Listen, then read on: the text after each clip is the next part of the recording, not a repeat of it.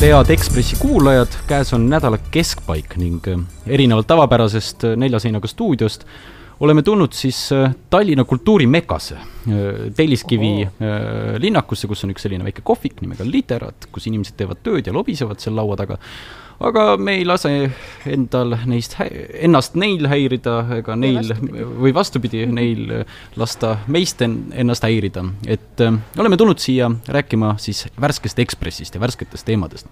täna võtame laiemalt kaks teemat ette, et esiteks räägime kindlasti uudispommist, mis teisel pool piiri plahvatas, mobilisatsioon, ja räägime ka võlgnikest ja nendest, kes on sinna uppunud minuga, mina olen Joosep Tiks ja minuga on siin veel Grete Lehepuu Indrek Lepik ja Martin Laine, tavapärasest üks rohkem isegi.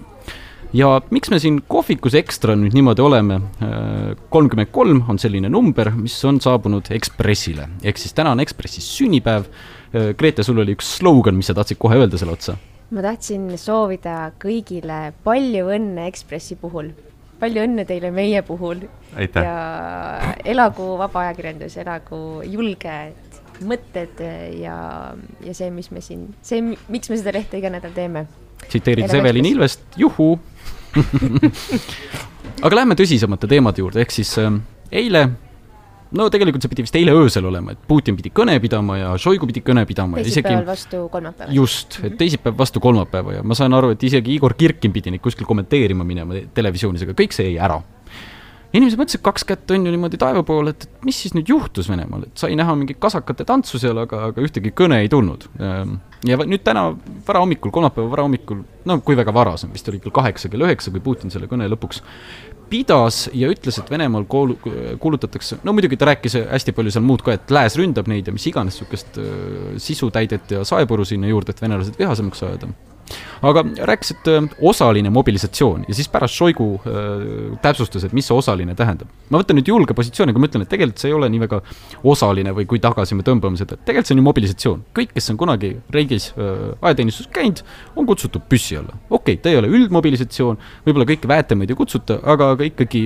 päris suur hulk inimesi tahetakse saada kuidagi nüüd Venemaal käsu korras seadused muudeti juba ära, igasugused karistused pandi käsu korras, et need inimesed siis läheksid püssi alla alla ja läheksid äh, Ukrainasse sõdima. mis nüüd siis sellest saab, on see küsimus, et äh, kui edukas see saab Venemaal olema? ega ei saa väga suurt no me räägime sisuliselt äh, mõnesajast tuhandest inimesest, kolmsada tuhat on see üks arv, mis on välja käidud ja küsimus ongi nüüd selles, et kui Venemaa on näinud vaeva üle poole aastat üleüldse kedagi sõdima saada, pakkudes rahasummasid, mis mis isegi, ma arvan, keskmisele Eesti töötajale on täitsa atraktiivsed, ikkagi mitut tuhandet eurot. tõsi, mitte atraktiivsed jah, tõsi, tõsi, tõsi, mitte atraktiivne mm. jah, sõtta minemisel, aga ütleme sellise päevatöö eest.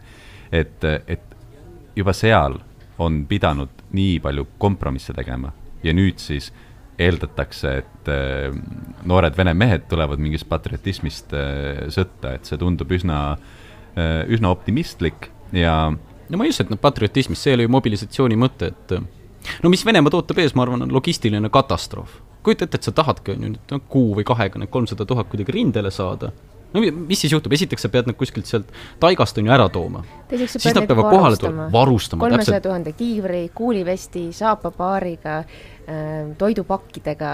et ma olen siin Eestiski näinud näiteks siilidel käies, et äh, kui raske on see formeerimine kui, kui, kui keeruline tegelikult nendele tuhandetelegi juba anda õiges mõõdus varustus, õigesse kohta saada nad, on ju, toita neid ja nii edasi. nüüd kujuta ette, see kolmsada tuhat meest, juba praegugi ma saan aru, nendel Donbassi sõduritel, kes seal rindel on, on mingisugused väga veidrad puhvaikad seljas ja varustus ei ole kiita. niisugused Korea sõjaaegsed jah, et sa ütlesid, et taigast need mehed kokku ajada, et see ongi hästi suur küsimus, et kust need mehed tulevad, sellepärast et kui nad tulevad kuskilt taigast, siis tegelikult keskmise venelase jaoks ei ole nagu suurt muret, sellepärast et ka praegu on võidelnud seda sõda venelaste eest ikkagi mitte metropoli venelased, ütleme ka sellises venelaste võib-olla sellises rassistlikumas käsitluses mitte valged venelased, eks ole, kahe erineva sõnana valged venelased.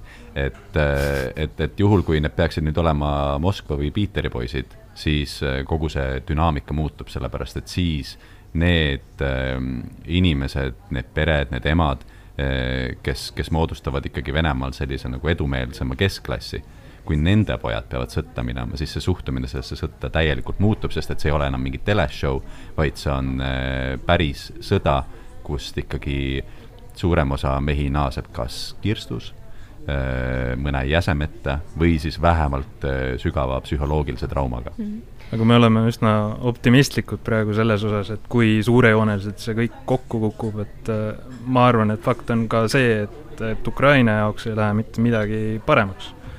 et kindlasti läheb halvemaks ja kas see nagu õnnestub, see mobilisatsioon sajaprotsendiliselt, no ma ei tea, Venemaal ei ole väga midagi plaanipäraselt läinud, et tõenäoliselt see läbikukkumine tuleb, aga isegi see läbikukkumine on noh, traagika.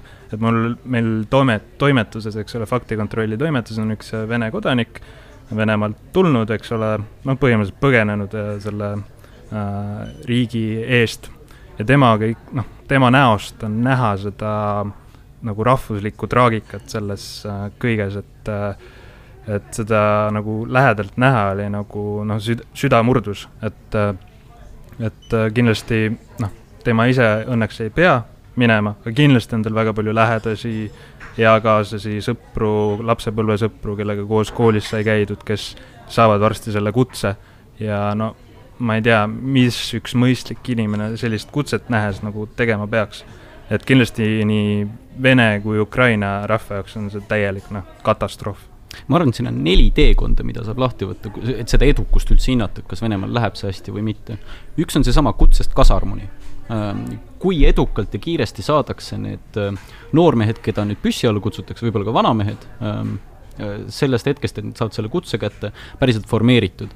ja seal võib väga palju küsimusi vabadust olla, sellepärast et kui seda ukaasigi vaadata, mis äh, Putin välja andis, siis seal iga see piirkond, noh ütleme näiteks maakond või, või kubernerkond või, või oblast, ühesõnaga piirkond saab ise otsustada, et mis on need erandid, mida nad teevad ja mis ei ole nende sõdurite saatmisel. seal anti neile see vabadus, ehk siis äh, võib-olla siis äh, see ongi natuke niisugune korruptsiooniruum, et need, kellel ei ole võimalust ära põgeneda riigist, need, kellel ei ole võimalust kuidagi loobuda sellest kutsest, need, kellel ei ole võimalust end ära peita, peavadki minema kuskilt sealt tagataigast. aga testi-, testitakse ka, mulle tundub, lojaalsust, nende oblasti juhtide lojaalsust. ei no aga see on ju loogiline, panga, pank, suure panga poja äh, kutsele vaadatakse võib-olla natuke nagu, pigistatakse silm kinni, et ta on väga väärtuslik IT-töötaja riigile või midagi sellist, et ei saadeta mm.. teine teine asi äh, on siis sellest kasarmust piirini, Ukraina piirini saamine. et kui edukalt läheb see protsess, kus sulle antakse sadadele tuhandetele meestele relvad kätte ja kuidas neid suudetakse tampida nii palju, et sealt mingisugust vastureaktsiooni ei tule. kas selle aja sees, isegi kui neid noorme-, noormehi tapitakse seal väes, ütleme riigis, kuidas see asi käib, kas nende emad tulevad protestima, kas nende naised tulevad protestima, et miks te viisite minu juura ära siit, on ju. nüüd kolmas punkt äh, on see, et kus nad peavad olema äh, rindel ehk siis nad on viidud sinna, öeldi, et on ju auke lappima ja nii edasi, et meil on vaja lihtsalt turvata neid piirkondi, aga noh, ma ei usu seda juttu, seda Šoigu juttu, et need noormehed lähevad sisuliselt lihtsalt mupot sinna mängima. et mida nad lähevad tegema, on ju ikkagi see, et nad saadetakse kahurilihaks. kas Nüüd... see, kas see Šoigu jutt ei ole just põhjendatud sellega, et äh, esialgu neil ei olegi logistiliselt võimalik varustada oma neid uusi sõdureid ja siis, ähm, et, et sa ei läheks nagu ärevusse, et okei okay,, mul ei ole relva, mul ei ole seda varustust, mul ei ole kiivrit, noh, ma olen ju turvamees lihtsalt. ma ei tea. see on võib-olla nagu pehmendada nagu eos seda, seda läbikukkumist. no needsamad turvamehed pidid sealt Iziumist ära jooksma, sellepärast et tegelikult kui me vaatame ka seda Ukraina pealetungi, siis need asulad, mis põhimõtteliselt tühjaks jooksid Vene vägedest, et ega need olidki tihtipeale mehitatud noh, näiteks mingite Roskvardia üksustega, mingite teiste selliste noh, käepäraste vahenditega. jah, et sisuliselt selline nii-öelda pigem politseiliste. tulnud inimesed, kes olid tänavakingades seal on ju ja oma dressipükstega. ehk siis see kolmas küsimus on, kuidas need mehed rindel hakkama saavad. Neil ei ole suurt väljaõpet, neile antakse mingisugune varustus kätte, mis pruugib olla kehvapoolne, ja Venemaa, ma ei tea, kas ta suudab nüüd elustada kuidagi oma tanke või äh, suurtükke või neid asju, mis nad on sõjas juba kaotanud. ehk on võimalus, et need sajad tuhanded mehed saadetakse lihtsalt relv kätte, on ju, põõsasse. nüüd noh, okei okay,, ma saan aru, kui sul on kaks äh, jalaväeüksust üksteise vastu, kumbki ei ole mehhaniseeritud ja nad, äh, üks annabki, on ju, palju tuld ja teine peab taganema sellest situatsioonist, sest ühe tule jõud, jõud on suurem. aga olukorras, kus sul näiteks ütleme, ukrainlastel on rohkem soomukeid, tanke ja kaugelt ütleme, Himarsid ja suurtükid, siis äh, noh, sellel tulejõul, mis on lihtsalt automaadi tulemusena, ei ole mõtet, sest sellel ei ole distantsi. näiteks Eestiski on ju, kui sul tuleb skaudipataljoni see CV üheksakümmend vastu, mis laseb mitu kilomeetrit lagedal maal, võib-olla isegi kaks, ütleme niimoodi, niimoodi. ja neil on siis see noh, leika moodi asi, kus nad näevad, on ju, soojusliikumist. see sõdur püssiga põõsas ei tee mitte midagi selle äh, masina vastu. ja nüüd neljas asi, kui nad on seal, ütleme, kuidas nad sõdivad või mitte, see on nüüd, on ju see kaalutlemiskoht, aga neljas asi on pärast seda, et isegi kui nad on nüüd esimesed lahingud maha pidanud, kas need sõdurid püsivad seal? kui nad saavad esimese paugu või lahingu kogemuse, inimesed, kellel on mhm. võib-olla ajateenistus kolmkümmend aastat möödas või kes on, ma ei tea, mis põhjusel sinna sattunud mis nad teevad selles situatsioonis, kus ma ei tea, meil on uudiseid olnud kolmesajast osseedist, kes on lahkunud, on ju, sisetülidest neil. nüüd nad lähevad mingisuguse kadöörlase alla, kes saadab nad kohe rindele. igasugusest eri kohtadest tulevad inimesed, kellel hakkavad olema sisekonfliktid. kuidas nad seda potti koos hoiavad mm., et see gaas pealt ära ei lendaks? samast äh, Izumi alt ju terved üksused andsid ennast ukrainlastele vangi, et äh, õigesti tegid. ukrainlastel ja, ja ukrainlased ju levitavadki selliseid lendlehti, infolehti, et kui sa tahad ellu jääda, siin on sulle sinu eluliini number ja, ja on neid, kes tõesti helistavad ja, ja abi paluvad või vähemalt on see, see, mida meile näidatakse ukrainlaste poolt mm.. iseküsimus nüüd äh, on siis, mis võiks tuua meid ka tänase Ekspressi juurde, on, et mis Euroopa tegema hakkab, mis mhm. Ameerika tegema hakkab, mis meie tegema hakkame no konflikt pikeneb ikkagi vastikult ja vinduvalt ja, ja no esimene emotsioon, mis minul oli seda mm, uudist lugedes, oli see, et no Putin viimse veretilgani, viimse nagu võimaluse nii kasutab ära. muidugi ikkagi endiselt nagu kraadides seda riigisisest temperatuuri, et oleks ta öelnud, et nüüd meil on üldmobilisatsioon, see paanikatase oleks äh, väga kõrgel. ta oleks pidanud, ta oleks pidanud, on ju, tunnistama justkui selle erioperatsiooni siis läbikukkumist või selle kuidagi eskaleerumist või põhjendama seda, mida ta ju püüdi, püüab teha, on ju, et ütleb, et NATO, me sõdime juba jah, nüüd oleme NATO-ga sõjas mida ta ütles ka kahekümne teisel, kolmandal veebruaril, millal see suur kõne vahepeal seal lennanud, seal vabandusi tuleb ja läheb, on ju. jah, jah, et see on, ja, sobib see pusle, mida, mida kokku pakitakse. aga võib-olla see paus, mis oligi Putini kõne vahel, oli siis see, et esialgu taheti äkki, täiesti spekulatsioon praegu, mul ei ole ühe, ühtegi allikat selle üle ähm,, äkki esialgu tahetigi üldmobilisatsiooni teha ja siis saadi aru, et äh, jõu see on natukene võib-olla hirmutav inimestele, tõmban pidurit, kuigi juba praegu Google'is on ju otsitakse.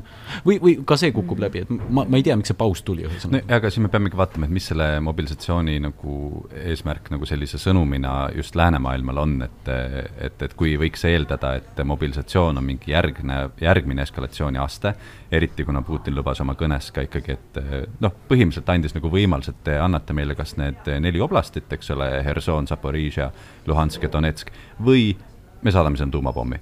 et, et, et, et ah, sinna või, mitte Londoni peale või? või see on telekommentaatorite lemmiksihtpaik? jah, ka, ka, ka London on, Londoni räägiti, et kuninganna Elizabethi matus oleks olnud hea aeg, kui oleks tuumapomm saata Londoni peale, et siis on kõik, kõik halvad inimesed on ju seal, aga noh, et kui me mõtleme, et mis see peaks olema näiteks Prantsusmaa või Saksamaa reaktsioon, et et, et, et siis kuidagi Berliin ja, ja Pariis äh, hakkaksid jalga päristama, et, et noh, me tegelikult näeme, et seda ei ole juhtunud, sellepärast et see eskalatsioon on toimunud liiga hilja, see ei ole enam usutav ja, ja noh, nagu Jonatan Vseviov mulle ütleski, et, et lääs räägib juba praegu Eesti juttu ja, ja, ja see ongi nagu see dünaamika, mis tegelikult selle poole aastaga on muutunud. et kui me vaatame kas või Olav Scholzi mingeid avalikke seisukohti viimase nädala jooksul, siis need on nagu eriti Saksamaa kantsleri kohta ikka erakordselt eh, jõulised. ja, ja eks siin me saamegi tegelikult rääkida ka Euroopa kontekstis sellest, kuidas Ida-Euroopa mõjukus on niivõrd palju kasvanud, et kui me vaatame seda retoorikat, lääne retoorikat, siis tõesti, nagu Jonatan Vseviov ütles, siis see lähtub väga sellest, mida meie oleme öelnud ja mõistagi on selle taga hea diplomaatia, aga laias laastus on selle taga lihtsalt see, et meie olime selleks valmis, meil oli õigus ja seetõttu on see kõik usutav, et, et lõppkokkuvõttes selle, selle hea retoorika või selle hea diplomaatia taga on olnud reaalsed teod, meenutagem, et Eesti juba tegelikult eelmise aasta lõpus hakkas eh, tegutsema selle nimel, et Ukrainale relvi anda ja, ja, ja noh, kõik see, mis on teinud Eesti või mis on teinud Läti, Leedu, Poola, et, et see on tegelikult näidanud, et kogu see ettevalmistus, kogu see tegevuste pakett, et, et see on olnud õige ja, ja tänu sellele tegelikult see, mida me praegu ütleme, mõjutab ka seda, mida otsustataksegi Pariisis, Berliinis, ka Londonis no,. aga, aga kindlasti paneb see nüüd uudne olukord äh, jälle proovile selle kõik, kas, kas ka Lääs jätkab nagu sedasama juttu rääkimist ka pärast seda no, noh, selget eskalatsiooni Venemaa poolt, selgeid uusi ähvardusi, mis on tead-, ilmselgelt esitatudki selle eesmärgiga, et, et, et ärge tulge appi, ärge saatke abi, muidu saate ise, ise pommiga pihta küsimus on, on ju, mis nuppudega me mängime, näiteks äh, noh, kui tühjana me näeme neid ähvardusi, et praegu lääs näeb, äh, no mida me teeme, me anname relvi Ukrainale ja me üritame Venemaad nõrgestada. kaks on ju asja, et Venemaad nõrgestada, teha neile majandussanktsioone ja kuidagi võib-olla seal on mingisugust tuuri veel juurde panna, aga tõsta sõja hinda, nagu diplomaadid ütlevad. jah, aga nüüd küsimus ongi, on ju, et kui palju edasi ja kui palju rohkem me saame Ukrainat aidata, et see, need on need vaidluskohad, on ju, kindlasti läänes, kus me räägime tankidest või me räägime mingitest veel relvadest, et Putini bluff ja need asjad, mis ta lauale panevad, ähm, on kindlasti äh, võib-olla kaalut-, rohkem nõrgemad, kui nad olid sõja alguses see, seetõttu, et kas või võtame seesama jutt, et kui te Venemaa territooriumit ründate, siis kohe tuleb tuumapomm. no ma ei tea, Krimm on juba saanud pauke, on ju, Ukraina käest. Belgorod on ju ka põleb seal pikemalt aega. et see, et nad lihtsalt teevad Donbassi, Hersoni ja Zaporožje ümber Venemaa territooriumiks, ütlevad nüüd see on meie ja nüüd, vot nüüd hakkab sõda, on ju. see ei ole usutav lihtsalt Putin on juba näidanud seda, mis ta võimes on ja kui ta nüüd saadab ka ütleme, kolmsada tuhat meest juurde, kuidas ta muudab seda situatsiooni, kui kõik need nõrkused, mis ta armeel on, on endiselt alles, on ju, halb juhtimine, halb varustus, logistiline katastroof, sõjaplaani puudumine, luureinformatsiooni põhi, peamiselt puudumine. et need on need augud, mis on endiselt täitmata ja nüüd, kui ta paneb sinna juurde tuumapommi jutu, mida on varem ka siin-seal on ju nagu visatud eetrisse, aga võib-olla mitte nii väga, siis kes teda saab sellest tagasi tõmmata, noh, tõenäoliselt Hiina, India ja nii edasi. ja, ja noh, ma ei, aga nüüd küsimus on, kui palju nad saavad. Macron helistab, kui palju tema saab tagasi tõmmata. et tõenäoliselt lääne eesmärk on teha nii palju, et Putinil äh, oleks see asemel, et ta on, on tunne, et ta on nurka surutud nagu pantvangi kriisis kuskil teisele korrusele aetud tüüp ja et tal ei ole mingit tagasiteed anda see väike auk, et kogu see režiim saaks sealt nagu välja kupatatud, ma ei tea, kuidas nad Putini kätte saavad äh,, aga äh, äh, teha ikkagi nii palju, et Putin ei suudaks teha kahju Ukrainale.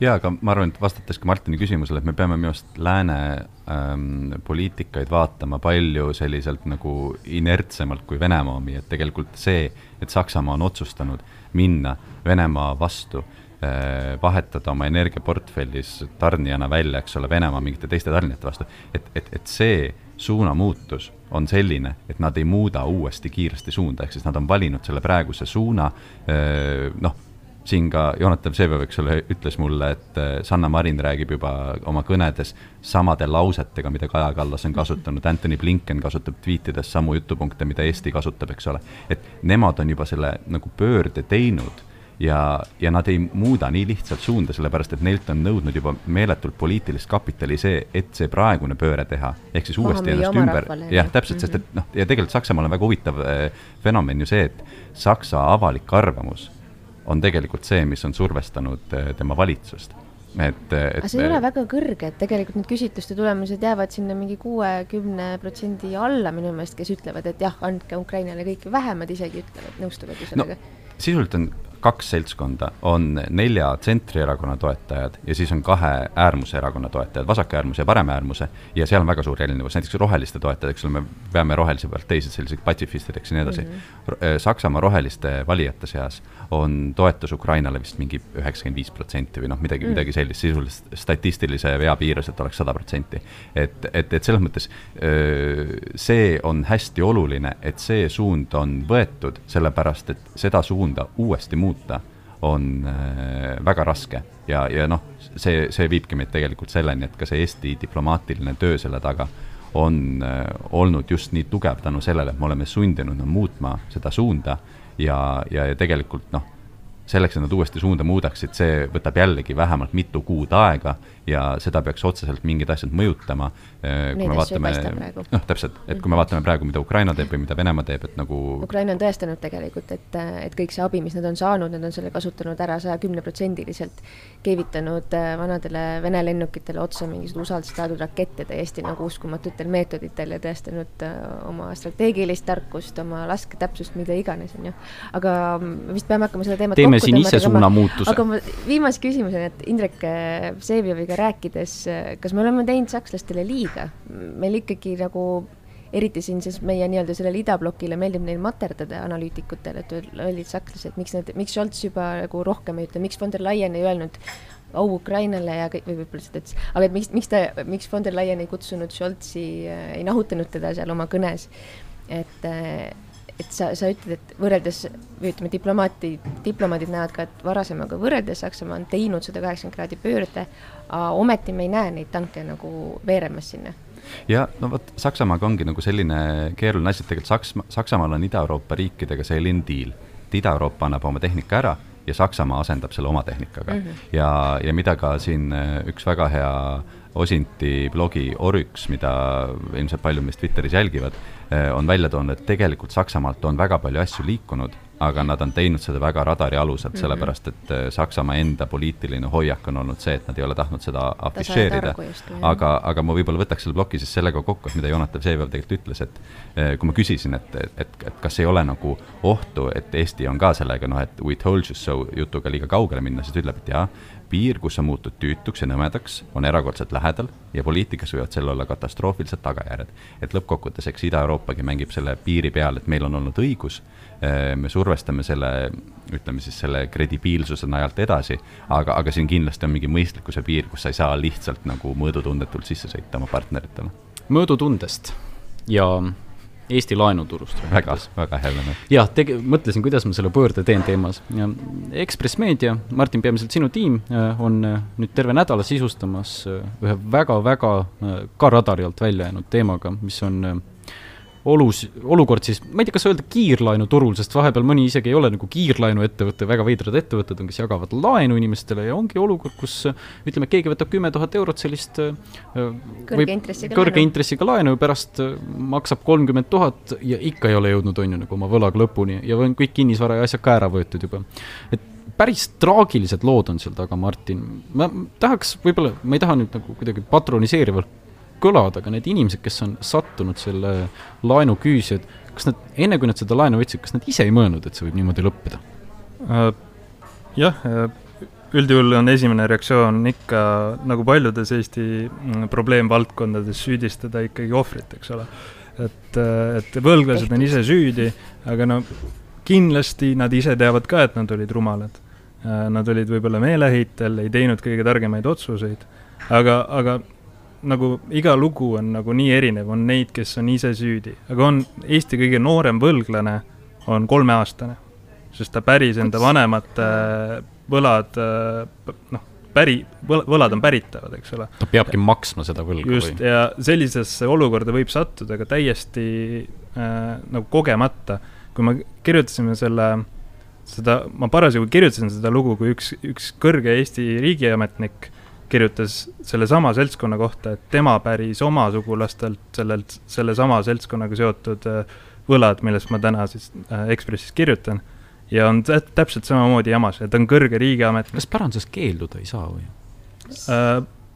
võlgades küll keelduda ei saa. pärandiga on, Eestis tehti seda pärandiseadust mõni aasta tagasi ümber ja sisuliselt, kui vanasti sa pidid pärandi vastu võtma, siis nüüd pead sa pärandist loobuma ja, ja see ongi tegelikult niimoodi, et pärast kolme kuud eh, siis eh, inimese surma, pärast kolme kuud, kui keegi ei ole tulnud seda pärandiasja nii-öelda ise kuidagi notariaalselt algatama, siis äh, automaatselt see läheb siis jagamisele siis pärijatele.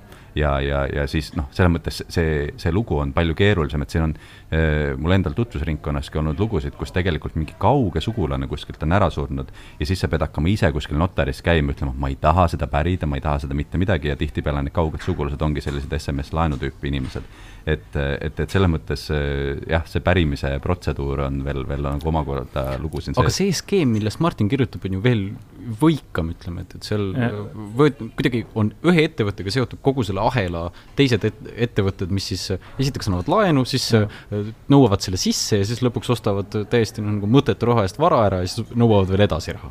just äh,, ja selle nagu kogu selle point on see, et eks ole, laenuprotsess on ju see, et sa Äh, võtad laenu ja maksad tagasi.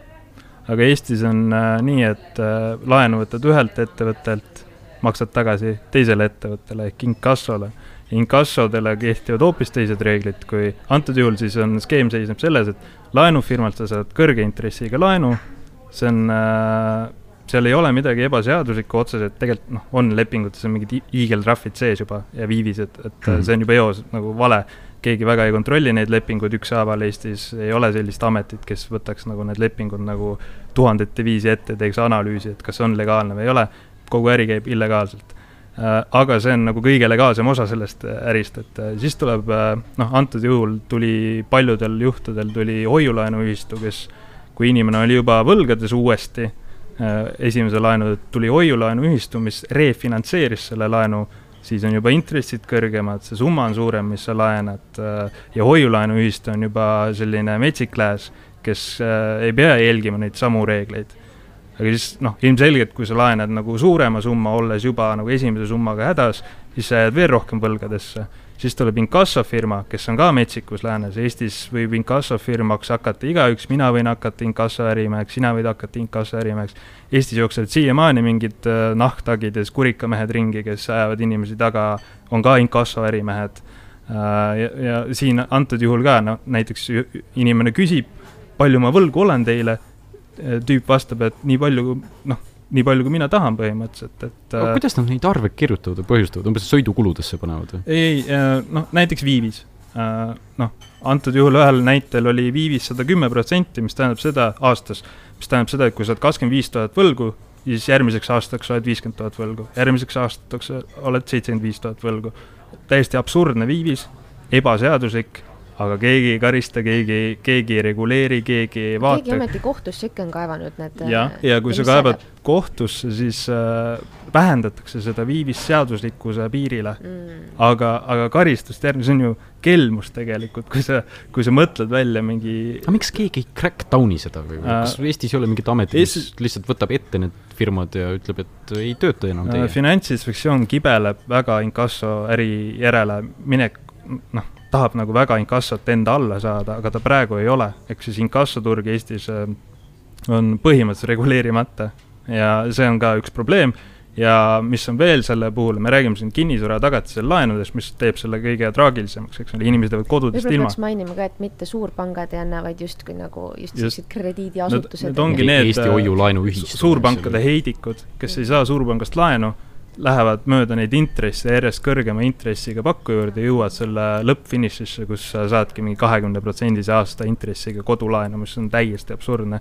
aga võib-olla nad ise ei tee seda arvutust või ma ei tea, kui palju nad lõpuks seda tagasi maksavad, täiesti.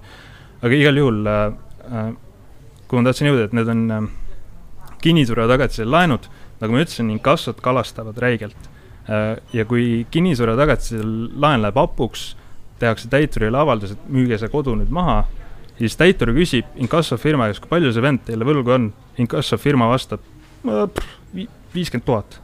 ja äh, täitur paneb selle automaatselt kirja, davai, viiskümmend tuhat läheb äh, kinnisvara hinnast alla ja oletame, et kodu maksis kuuskümmend tuhat, äh, kümne tuhandega läheb müüki. kuidas see loogiline, kas ta ei peaks kuuekümne tuhandega müüki panema selle ja siis selle raha, mis sealt kuuekümnest tuhandest tuleb, andma siis sellele inkassofirmale? No äh, asi on selles, et süsteem on mõeldud selleks, et see, kes tuleb ostma, on ju, et tema ei saaks nagu kahju. et ta saaks sellest hüpoteegist lahti? jah, et, et sellest hüpoteegist saaks lahti. see ongi väga keeruline, ma näen teil segaduses nägu. ei, see on kumma, ma mõtlen, ma olen kord... kohtutäiturite oksjoneid näiteks vaadanud, äh, seal müüakse ikkagi koos hüpoteekidega see asja, et see, seal pigem siis on täpselt see Joosepi kirjeldatud äh, versioon, et, et kui ma oma summa maksan ära, siis sealt arvutatakse see laenuosa maha ja vsjo jah, et kui korter on väärt kakskümmend tuhat näiteks on ju, minu võlg on kümme, siis ma ei arvuta ju sellest korterist maha, vaid see, kes ostab selle korteri, ostab kahekümne tuhandega ja selle kahekümne tuhande eest makstakse ära mu kümnetuhandene võlg. kõlab ju loogiliselt. Martin tahab nüüd meie aju plahvatama äh,. ei noh, ühesõnaga äh, on igasuguseid täitemenetlusi, mõned töötavad korrektselt, mõne, mõnikord müüakse neid korterid väga normaalse hinnaga, mõnikord jääb Swedbanki laen peale, selle võrra hinnatakse alla, mis on normaalne, et, äh, et noh siis uus, uus omanik peab selle Swedbanki laenu ise kinni maksma, noh, aga see on loogiline. Uh,. antud juhul see seltskond uh,, kellest mina kirjutan uh,, jupitab oma hüpoteegid nii ära, et a la majal on viis hüpoteeki peal ja siis ta võtab selle ühe hüpoteegi, ütleb selle alusel uh, pange see maja müüki, aga need neli ülejäänud hüpoteeki jäävad peale ja selle alusel hinnatakse kinnisvara alla. Ja siis nad tulevad ise teise ettevõttega, ostavad selle kinnisvara ära mis tähendab, noh, kommirahaga aga nende jaoks ei ole see mingi risk, sest nad on ise nende hüpoteekide taga, nad tõstavad ühe raha task, taskust, ühest taskust raha teise ja siis äh, lõpuks ongi nii, et ma ei tea, kõige äärmuslikum näide oligi viisteist tuhat eurot maksis maja, ostsid ära, sada nelikümmend tuhat äh, müüsid maha ja sada kolmkümmend tuhat jäi võlgu veel üles, ehk siis nagu inimesed kaotasid saja neljakümne tuhande eurose maja ja jäid veel sada kolmkümmend tuhat lisaks võlgu tundub täiesti absurdne, miks üldse niisuguseid võlamenetlusi meil tehakse, kus võlgasid ei lahendata. maja võetakse ära ja võlg jääb alles põhimõtteliselt. jah, ja, ja tegemist ei ole reegliga, ilmselt on äh, täiturioksjonitel tuhandeid kinnistuid, võib-olla sellised näited on nagu vähemuses, aga niisugune skeem aga toimib. sellised näited üldse on, on omaette küsimus juba. just, et äh, ja eriti veel, kui need, kogu see protsess saab alguse ebaseaduslikest laenudest, ebaseaduslikest viivistest, välja mõeldud mingitest trahvidest. Et, et kogu see protsess on mäda, igal astmel on, noh, seal on neli astet, eks ole, laenufirma refinantseerimine, inkasso ja kinnisvaraäri. Äh,, iga protsess on, omab mingit auku, mida on võimalik läbi pugeda, need ärimehed, noh, ma ei tea, noh, minu meelest on väga palju siin ebaseaduslikku, aga ma ei ole jurist, politseinik ega midagi, ma ei saa seda nagu neile ette heita, et nad nii nupukad on ja leidnud need seadusaugud kõik üles, millest läbi pugeda ja inimesed nagu paljaks röövida kõigi silme all. aga mis kamp see on selline, kes tegutseb, kas see on, sa kirjeldad siin seda, ütleme, nelja ettevõtet on ju, mis on seotud kõik põhimõtteliselt sama seltskonnaga, kas selliseid kobartegijaid on veel või äh, need? jah, kusjuures ma mainin ära, et äh, mind süüdistati terve selle loo vältel sellesama seltskonna poolt Julianus Inkasso peab mainima, et Julianus Inkasso omanik on Ants Šluik. kes omab kes on, ka Ekspressi. et süüdistati, et oled nende Julianuse isegi laenuärimehed joonistab minu kohta skeemi, kuidas ma olen, olen sellega kõige, kõigega seotud, on ju. nii, ja kui ma... palju sa Hansuga rääkisid selle loo tegemise ajal ei, mitte kordagi, ma noh, ma ei räägi temaga väga üldse, et ühesõnaga äh, aga kas selliseid äh, kobaraid on, ma ei tea, ma ei ole kordagi näinud, et nagu nii nagu selline kobar on, et kus on kõik nagu need harud on ühe ettevõtte käes, aga see, et äh, et sul on hoiulaenuühistu ja laenufirma koos, et sa saad nagu noh, üks allub Finantsinspektsioonile, kui sa tahad nagu liigutada seda võlga, on ju, võimude nina alt ära siis sa liigutad selle võla hoiulaenuühistusse, samamoodi saad mm. liigutada on ju võimude nina alt ära inkassofirmale, sest inkassofirmad on ka võimude kuskil pimedas nurgas Eesti seadustiku järgi. ehk siis kogu äri nii-öelda kasumimarginaal natuke on isegi sisse kirjutatud sellesse, et inimesed jäävad võlgadesse. et tihti nagu laenufirmad heidavad ette, et miks me peaks laenama inimestele, kes ei suuda meile tagasi maksta mm, -hmm. et see on ju täiesti ajuvaba ärimudel. sinu loos öeldi, et ainult üks protsent on neid hädalisi võlglaseid. et äh, noh, see oleks, noh, see tundus mulle absurdne protsent, sest Eestis on keskmine hädas äh, võlgade protsent sihuke kuus tarbijalaenudel, aga see, see konkreetne toode on ka tarbijalaen.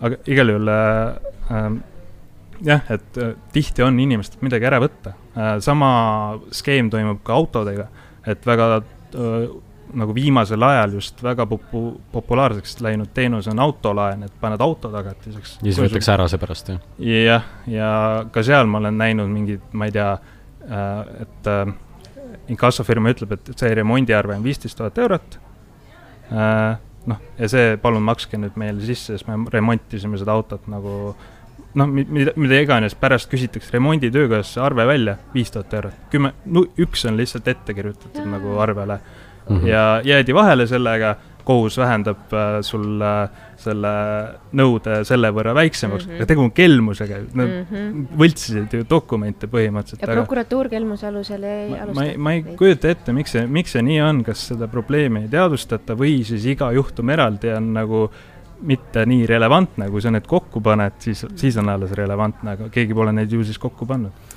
nii, sõbrad, aga kindlasti lugemist on palju Ekspressis, aga aega on alati vähe, kogu aeg on inimestel aega vähe. võib-olla nädalavahetustel on rohkem aega, lugege pikemalt Ekspressi.